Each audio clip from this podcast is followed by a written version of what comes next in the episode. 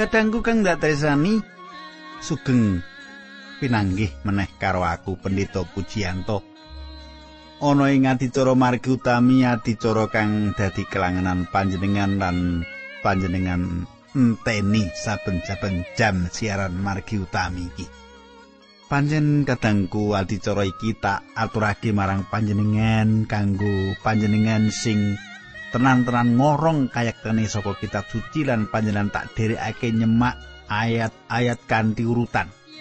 Supaya panjenengan duwe kawruh karohanen kang jangkep mekono. Aku matur nuwun panjenengan tansah ndongaake aku supaya aku diparingi kekuatan lan aku saben-saben bisa sowan marang panjenengan.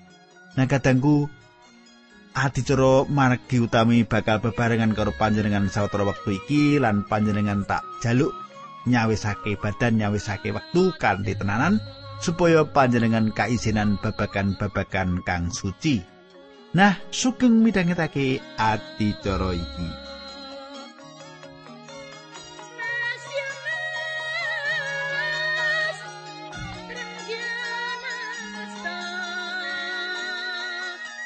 Katangku ing patemon kita kepungkur kita wis nyemak kepiye umat Israel rumangsa yakin manawa bisa nindakake pangandikane Gusti kang wis dipirengake.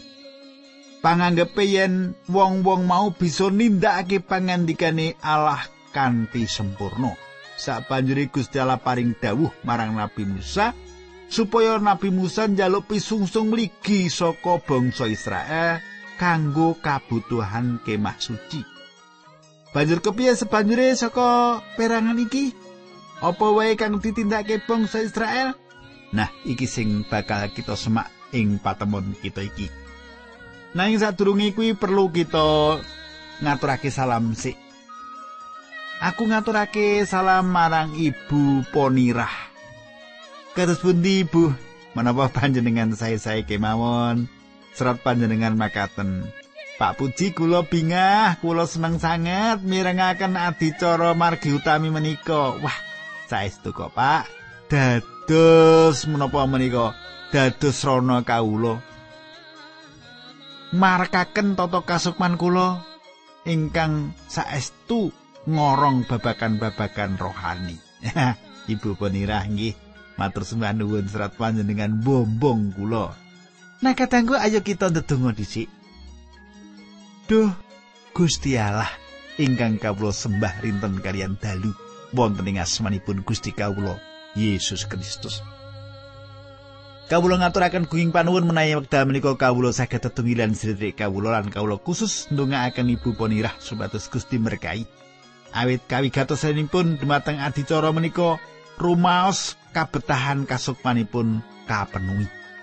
Kawula pasrahaken Ibu Penirah wonten ing asta patuko nanging ugi para ibu sanesipun ingkang setya tuhu midhangetaken ati cara menika. Dinambaran asmanipun Gusti kawula Yesus Kristus kawula ndedonga. Haleluya. Amin.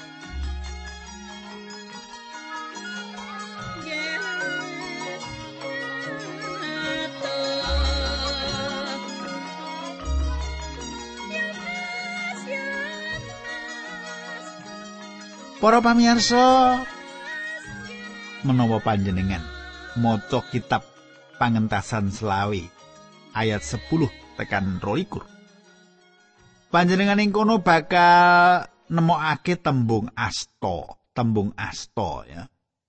Nang mengko bakal ndak terangke tembung-tembung mau nanging ing basa pedinan ing basa pedinan wis diganti nganggo sentimeter utawa meter. Awit saka iku aja kaget Kadangku latar sisi njaba ening kemaksud kuwi kuwi sawijining papan kang katutup. Latar mau ana ing sakiwa tengene kemah suci dawane 100 hasta padha karo 45 meter. Lan ambane 50 hasta padha karo 22,5 meter. Hasta iku sawijining ukuran yaiku ukuran kang alandesan lengen panjenengan. Lengan panjenengan kira-kira dawane patang puluh lima cm. Yen panjenengan wong cendhek, mula ukurane bakal luwih cendhak. Nanging menawa panjenengan wonge dhuwur pramila ukurane bakal luwih dawa. nanging patokan kira-kira 45 cm. Kadangku menawa panjenengan gatekake jogane kemah suci, panjenengan bakal mirsani ing latar bagian jaba ana misbah kurban obaran. Lengkap sak pirantini lan uga guci kanggo wisuh kang ana tataane.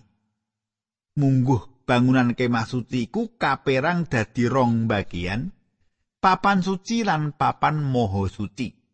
Ukuran kemah suci dhewe watara 20 ping 10 hasta. papan mo suci dawane 10 hasta, ambane 10 hasta lan dhuwure 10 hasta. Kandhe mengkono kaya kubus kang sempurna. Banjur pirantine ing sajroning papan suci ana meja roti sajen, kandil lan misbah ukuran. Ing papan maha suci dipapanake papan kalenggahane Allah lan papan bedamen utawa pendamaian. Ing latar perangan jaba ana perabot loro yaiku misbah kurban obaran kurban obongan karo piranti lan guci kanggo wisuh karo tataane ing perangan jabane ana layar kanggo misah kang digawe saka kain linen putih. Nah saiki ayo kita wiwit nyemak kitab pangentasan selawe ayat 10 nganti 15 dhisik. Cing pitung ayat engko keri ya tak waca iki.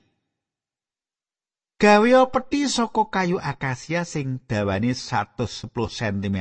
Nah jenengan kata iki ya. ambane lan dhuwure swidak 6 cm. Ing sisih njaba lan jerone lapisana nganggo mas murni sarta wenehana plisir mas mubeng. Gawe gelangan mas papat kanggo ngusung petine sarta pasangan ing sikile papat saben sisih gelangan loro. Gawe pikulan saka kayu akasia banjur lapisen mas. Pikulan kuwi slobokno ing gelangan kiwa tengene peti mau. Pikulan-pikulan iku kudu tetep ana ing gelangan ora kena dicopot. Mitraku, papan kalenggahane Allah kang sinebut tabut perjanjian lan tutup bedamen ing dhuwure yaiku papan kang kanggo ketemu antarane Gusti Allah karo wong-wong Israel. Dadi papan iku sawijining papan kanggo wong-wong Israel cecaketan karo Gusti Allah. Papan kuwi sawijining saka kemah suci kang maha suci. Panjenengan gatekake barang kang sepisan saka pirantine kemah suci yaiku papan palenggahane Allah. Kita lagi ndeleng kemah suci saka jero nyawang menyang jaba. Kaya-kaya Gusti Allah ana jero saiki mirsani menyang jaba. Nah, dadi iki saka tetinggalane Allah. Kalenggane Allah kuwi ana ing papan mau suci. Ana kono Gusti Allah meratelake sarirane Menawa kita nyerai kemah suci kanthi tetinggalane manungsa, mula kita kang kawitan bakal tekan ing lawang gerbang kemah suci. Sebanjure mesbeh kurban obaran kanthi kabeh pirantine guci kanggo wisuh lan tataane. Kadangku, kemah suci digawe teliti kanthi mengkono bisa digawa-gawa. Nalika bangsa Israel iku mlaku ana ing ora samun, kemah suci dipasang meneh nalika wong-wong Israel kemah lan diangkut nalika arep budal menyang papan liya. saben perangan pirantine kemah suci dilengkapi maneh karo gelang-gelang lan kayu sing kanggo ngusung kanthi mengkono barang-barang kuwi luwih gampang digotong nalika nuju mlaku. Tutup bedamen kang dadi puncake kalenggane Allah dianggep minangka piranti kang pinisah. Kadangku saiki kita semak dhisik pangandikane Gusti yo bab selawe ayat 16 teko 18 panjenengan semak kitab panjenengan kuwi. Papan watu loro sing ana tulisane pepakon-pepakon kusing bakal ndak paringake selehno ing jerone peti mau. Gawe tutupe peti mau saka mas murni dawane 110 cm lan ambane 6 cm.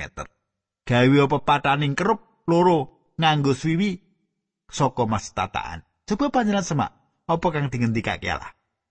Ayat 19 nganti 20. Pasangan ing dhuwuring peti mau pepetan krup nganggo swiwi mau gawenen supaya dadi siji karo tutupe padha adep-adepan dene swiwine megar nutupi petini. Kadangku krup nyawang menyang maiser ing tutup pedamen. Saiki ayat selikur nganti rolikur. Papan watu loro mau selehno ing jerone peti sarta tutupe peti tumpangno ing dhuwuri. Ing kono aku bakal ngrawi kuwi lan saka ing dhuwur tutup antarane pepetan krup nganggo swiwi mau aku bakal maringake dawuhku kanggo bangsa Israel sumitraku papan kalenggane Allah yaiku kotak kang dilapisi emas njabani lan uga jerone kotak kuwi digawe saka kayu akasia kang angel rusak kalenggane Allah iki sawijining lambang sempurna saka Gusti Yesus kang dadi manungsa sejati lan Allah kang sejati. Gusti Yesus Kristus yaiku Allah lan uga manungsa. Yo Allah, yo manungsa. Kealahane dilambangake emas lan kamanungsanane dilambangake kayu. Papan kalenggahan utawa tabut perjanjian iku ora bisa mung dirembuk kaya kotak kayu.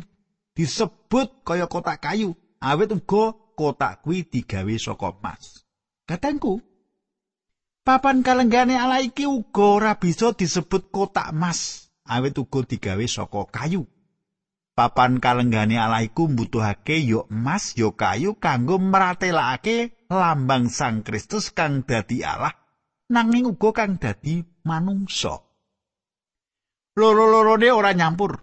Ora ana doktrin ing kitab suci kang kebak kangkeran tanpa winates mengkini lan angel diterangke bab kamanunggalane kepribadian Sang Kristus. Awet Gusti Yesus iku manungsa sejati lan sejatine manungsa nanging uga Allah sejati sejatining Allah nanging ana sawijining lambang kang gampang dingerteni kaya kalenggahane Allah kang nerangake kanthi cetha kamanunggalane Allah lan manungsa ana ing badan siji. Ngrembug kotak kang digawe saka kayu lan emas iku padha karo ngrembug perkara-perkara kang jero kang ora bisa dimangerteni. Sejatine Gusti Allah nggunakake perkara-perkara kang sederhana kanggo mbingungake wong-wong kang duwe kapinteran. Kotak sederhana iku nyaritakake samubarang kang bisa ditampa dening menungsa. Babab kang wadi kang ora bisa diselidiki saka pribadi Gusti Yesus Kristus kang kapenuhaning berkah. Kadangku, kalenggahane Allah iku dilapis emas njaba lan jerone. Coba panjenengan semak layang kolo seloro ayat congo meratelake marang kita mengkini. Sebab yo ana ing Sang Kristus kono, ana ing kamanungsani dumunung sifat kealahane Gusti Allah kabeh sawetahe. Kadangku, Gusti Yesus iku dudu priyayi kang seneng gawe mukjizat. Pamer. Panjenengane uga dudu manungsa kang duwe kesadaran bab Allah ing sak dhuwure wong lumrah. Awit panjenengan iku pancen Allah. Menawa panjenengane ngendika, iku ngendika minangka jejering Allah. Panjenengane mapanake badane ing kalenggahan kang padha karo Allah. Coba panjenengan semak ing Injil Yohanes 14 ayat 1 lan 9. Injil Yohanes 14 ayat 1 lan 9. Pangandikane Gusti Yesus marang para sekabat, atimu aja waspas. Padha ngandelo marang Gusti Allah yo ngandelo marang aku. Ayat 9. Pangandikane Gusti Yesus wis semono lawas sing nggonku urip bebarengan karo kowe kabeh. Ewa semono kowe kok rumangsa durung wanuh karo aku. Filipus.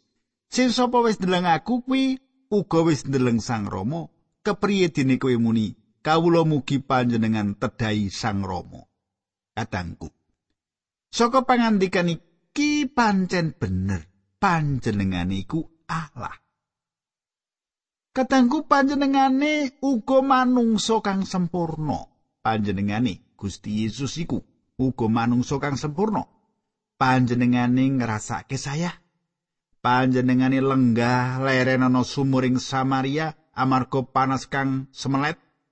Panjenengane sare panjenengane dahar panjenengane ngunjuk panjenengane gemujeng panjenengane muwun lan wis saka iku panjenengane nandang sangsara lan sedo kabeh tindak tanduke nuduhake menawa panjenengane kuwi manungsa Mas lan kayu ing papan kalenggane Allah loro-lorone dibutuhake nanging ora siji wae kang nyampur antarane siji lan sijine. Ora bakal kepribadian kang siji nglunturi liyani. Sang Kristus iku Allah lan uga manungsa. Apa kang ditindakake 100% manungsa lan 100% Allah. Kadangku papan kalenggane Allah tabut perjanjian iku dudu kotak kang kosong. Kalenggane Allah ana barang telu lan iku ditulis ana layang Ibrani 9 ayat 4 layang Ibrani 9 ayat 4 ing jerone ana mesbeh mas sing dinggo ngobong menyan. Lan ana petine perjanjian kalapis mas blek.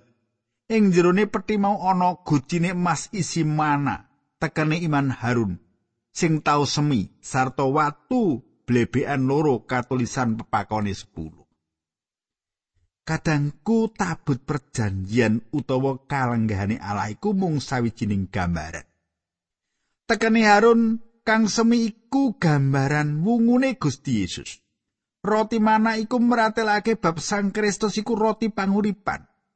Pepakon 10 utawa dosa titah meratelake bab urip kang ditindakake Gusti ing jagat supaya ngenepi pepakone angger-anggere Torat ing bab apa wae lan ngenepi pajangka kang meratelake gegayutan karo panjenengani. Katangku, loh-loh watu kang isine perjanjian meratelake bab Sang Kristus kang jumeneng raja. Panjenengane dilairke minangka raja, panjenengane gesang dadi jejering raja. Panjenengane sedo minangka raja lan panjenengane wungu uga minangka jejering raja. Panjenengane bakar rawuh ing jagat iki uga minangka jejering raja. Rancangane sang raja saiki nuju klakon lan terus klakon saka jaman kang kepengker nganti nalika Sang Kristus bakal merentah ing jagat. Jagat mbutuhake wong kang kagungan pangwasa, manungsa mbutuhake raja. Ing titi mangsane mengko panjenengane bakal rawuh dadi jejere ratuning ratu, rajaning raja lan gustining gusti. Kadangku guci mas kang isine mana nglambangake Sang Kristus minangka nabi. Panjenengane kang dadi juru wicaraning Allah kaya kang ditulis ing Yohanes 6 ayat loro. Mengkene surasane. Ake wong kang nderekake panjenengani sebab wis padha ndeleng mukjizat-mukjizat sing ditindakake dening Gusti Yesus nalika panjenengane marasake wong-wong loro. Kadangku, pangejawantaing Gusti Yesus Kristus uga dadi sarana nglantarake apa kang dikersakake Allah marang manungsa. Panjenengane iku logos yaiku pangandikane Gusti. Panjenengan iku sabdane Gusti Allah kang wiwitan lan kang pungkasan. Panjenengan iku lantaran dadi welingi Allah marang manungsa kang pungkasan. Awis saka Kristus rawuh ing jagat minangka jejere Allah lan minangka manungsa. Lan Kristus minangka lantaran meratelake isen-isening atine Allah. Kadangku tekene Harun kang semi meratelake bab pagarane Sang Kristus minangka jejere imam. Nabi dadi juru wicarane Allah ing ngareping manungsa, imam dadi juru wicarane manungsa ing ngarsane Allah. Minangka dadi jejere imam, Sang Kristus ngorbanake badani. Minangka jejere imam, panjenengane wis lumebu ing kasuwargan. Malah saiki panjenengane lenggah ing sisih kanane Gusti Allah ing kasuwargan. Gusti Yesus Kristus kang dadi jejeri Allah lan kang dadi jejeri manungsa, kawungake saka pati lan panjenengane kang dadi patuladan kang ora ana bandingane wiwit saka wungune saka sedo nganti tekan saprene. Kembang bakung lan endok Paskah ora meratelake bab wungune saka sedo, nanging tekene Harun kang semi nggambarake perkara iki. Teken kuwi yaiku teken kang wis tuwa kang wis mati dadi urip meneh. Papan kalenggane Allah tabut perjanjian meratelake bab Sang Kristus kang dadi jejering nabi imam lan raja. Yokanan siji ayat 14 Sang Sabda wis dadi manungsa manggon awor karo kita. Kita wis padha ndeleng kamulyane sang manungsa mau ya kamulyan kang kaparingake marang putrane Allah Sang Rama putra untang-anting kamulyane sang putra mau mengkini. Lantaran sang putra mau Gusti Allah wis mratelake sarirani piyambak lan katresnane marang kita sakatoki. Kadangku tutup bedamen iku dadi tutupe kalenggane Allah. Tutup iki migunani minangka tutup kotak utawa papan kalenggane Allah tabut nanging sawijining piranti kang pisah. Barang iku digawe saka mas murni kanthi kerup ing saben pucuke nganggo swiwine kang megar banjur ngaupi lan nyawang mangisor saka dhuwur ing kono getih kang dipapanake. yen ana kene iki Imam Agung nyiprati getih kurban obaran. Yo getih kuwi kang andadake dadi tutup pedamen iki uga sawijining lambang pakaryani Sang Kristus. Sang Kristus secara harapiah misusungake rae ing swarga sawise sedani ana ing kayu salib. Kadangku Petrus mestani rah sang juru wilujeng kuwi larang regani aji banget ing layang Petrus 1 ayat 18 katulis mengkini Sebab kowe padha sumurup apa sing kanggo nebus uripmu sing tanpa guna, sing kok warisi saka leluhurmu dudu barang sing bisa rusak, uga dudu sloka utawa emas. Nanging srana kurban sing pengaji banget ya kuwi Sang Kristus piyambak, kaya dene wedhus sing tanpa cacat lan mulus. Kadangku rae Sang Kristus iku larang utawa aji banget luwih aji tinimbang perak utawa emas. Barang kang aji dhewe ing kasuwargan yaiku rah kang dicurahke dicurake kanggo manungsa ing jagat. Panjenengane misusungake rae sawetara panjenengan mlebu ing swarga yaiku kang agawe damparing Allah dadi tutup bedamen kita ing wektu iki. Kadangku, kita bisa sowan marang Allah saiki Allah nesan bukti. Gusti Yesus kang dadi Imam Agung kita wis misungsungke rae piyambak kanggo nebus dosa-dosa kita. Ibrani papat ayat 14 nganti 16 ngilingake kita. Coba tak wacani. Sarene mengkono mulane kita padha ngantepono marang sahadat kita. Awit kita padha duwe Imam Agung sing wis suwan ing ngarsane Allah, ya kuwi Gusti Yesus putrane Allah. Imam Agung kita iki dudu wong sing ora bisa ngrasakake kaapasan kita. Malah panjenengane wis ngalami kagudha ing samubarang perkara, ora beda karo kita dhewe, mung panjenengane ora gawe dosa. Mulane ayo kita padha kelawan kendel marek ing ngarsane Allah kang dadi atu ing sih rahmat kang luber-luber. Kita bakal nampa kawalasan sarta oleh sih rahmat ing wektune. Katanggu, panjenengan lan aku bisa tecaketan karo Gusti Allah awit Imam Agung kita kang ana ing swarga. Panjenengane ora liya Sang Kristus kang gesang lan lenggah ing sisih tengene Allah. Lumantar panjenengane kita nampani sih kawalasan lan pitulungan. Jaman saiki akeh wong kang nyoba merantasi masalah kang nempuh uripe dhewean. Akeh kang kudu dirampungke. Panjenengan aku ora kuwawa merantasi kabeh mau. Kita ora duwe kekuatan kang cukup. Kita mbutuhake pitulungan kanggo merantasi masalah-masalah mau. Kita aja nganti nampik pitulungan kang ditawakake Sang Kristus iki. Paulus ndedonga kanggo pesaman ing Efesus supaya panguwasa kang banget agung kang makarya ing sadroning Sang Kristus kang nangake saka sidani bisa makarya ing sadurunge uripe pesaman mau. Coba panjenengan semak Efesus 1 ayat 19 nganti 20. Aku ora arep maca iki yo. Kita ora pati ngerti panguwasa iku makarya ana ing sadurunge uripe wong prato ing jaman saiki. Kita perlu cekelan kanthi iman. Awit kita duwe imam agung kang lenggah ing sisih tengene Allah. Kadangku, imam agung kang lelados ing sadurunge kemah suci iki enggal-enggal menyang papan suci nyipratake rahing tutup bedamen lan enggal-enggal lunga meneh. Sang Kristus Imam Agung kita.